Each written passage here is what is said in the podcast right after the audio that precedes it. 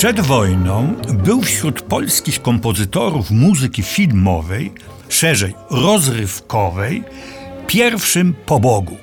Jeśli za Boga uznamy Henryka Warsa, autora muzyki do 53 filmów, w tym kilkudziesięciu szlagierów. Tym pierwszym po Bogu był Jerzy Petersburski.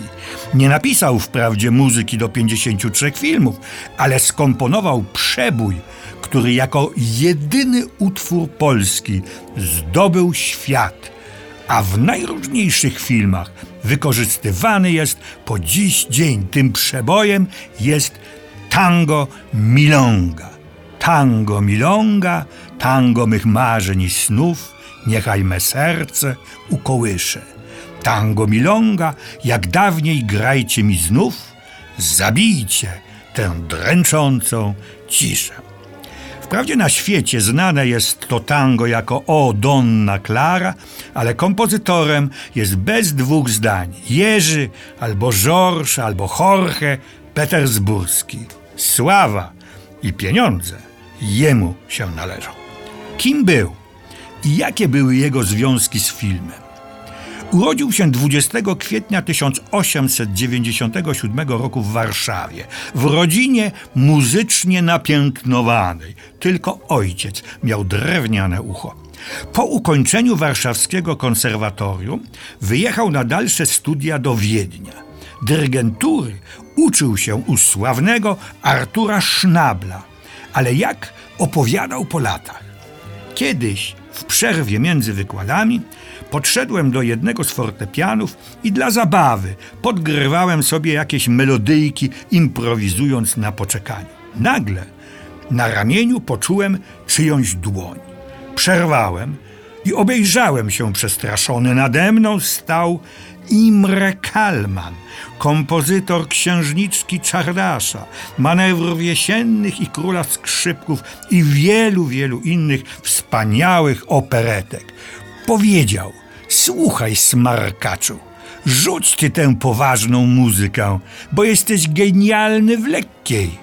Przymurowało mnie do stołka i zanim oprzytomniałem, mój mistrz oddalił się.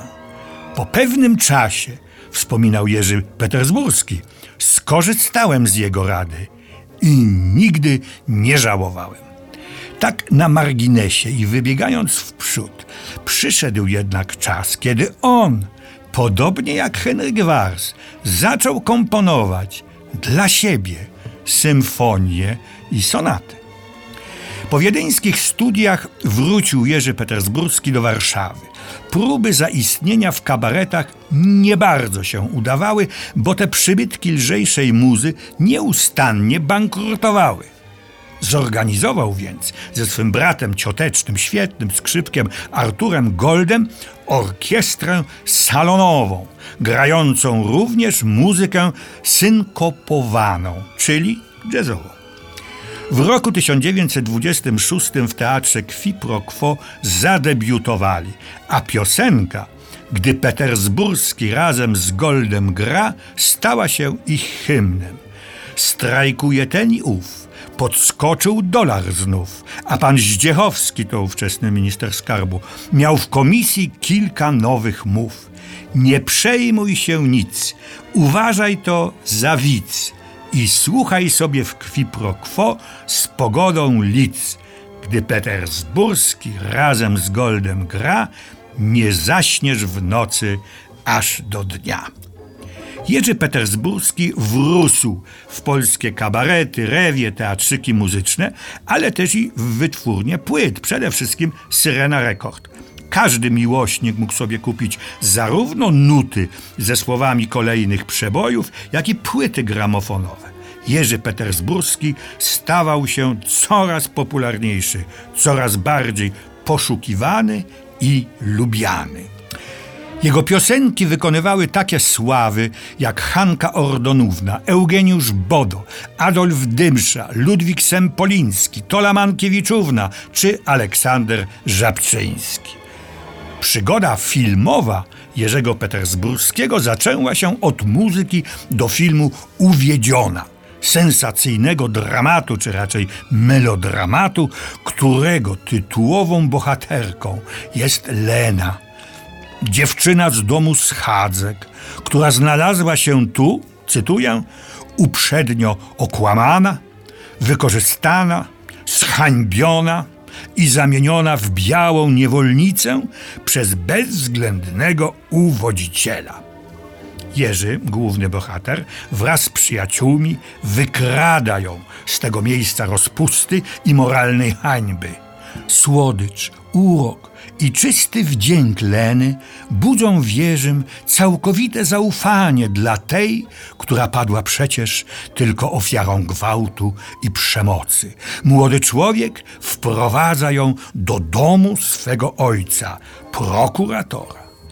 Na przyjęciu z okazji zaręczyn córki prokuratora Lena rozpoznaje sprawcę swego nieszczęścia. Dochodzi do gwałtownej sceny między nimi. Nagle słychać strzał.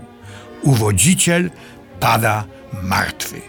Podejrzenie zabójstwa pada oczywiście na Lenę.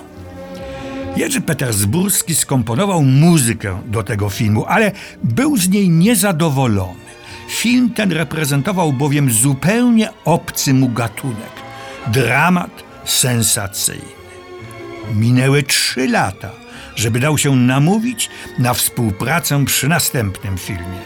Ale o tym i dalszych burzliwych losach Jerzego Petersburskiego opowiem w następnym Odeonie.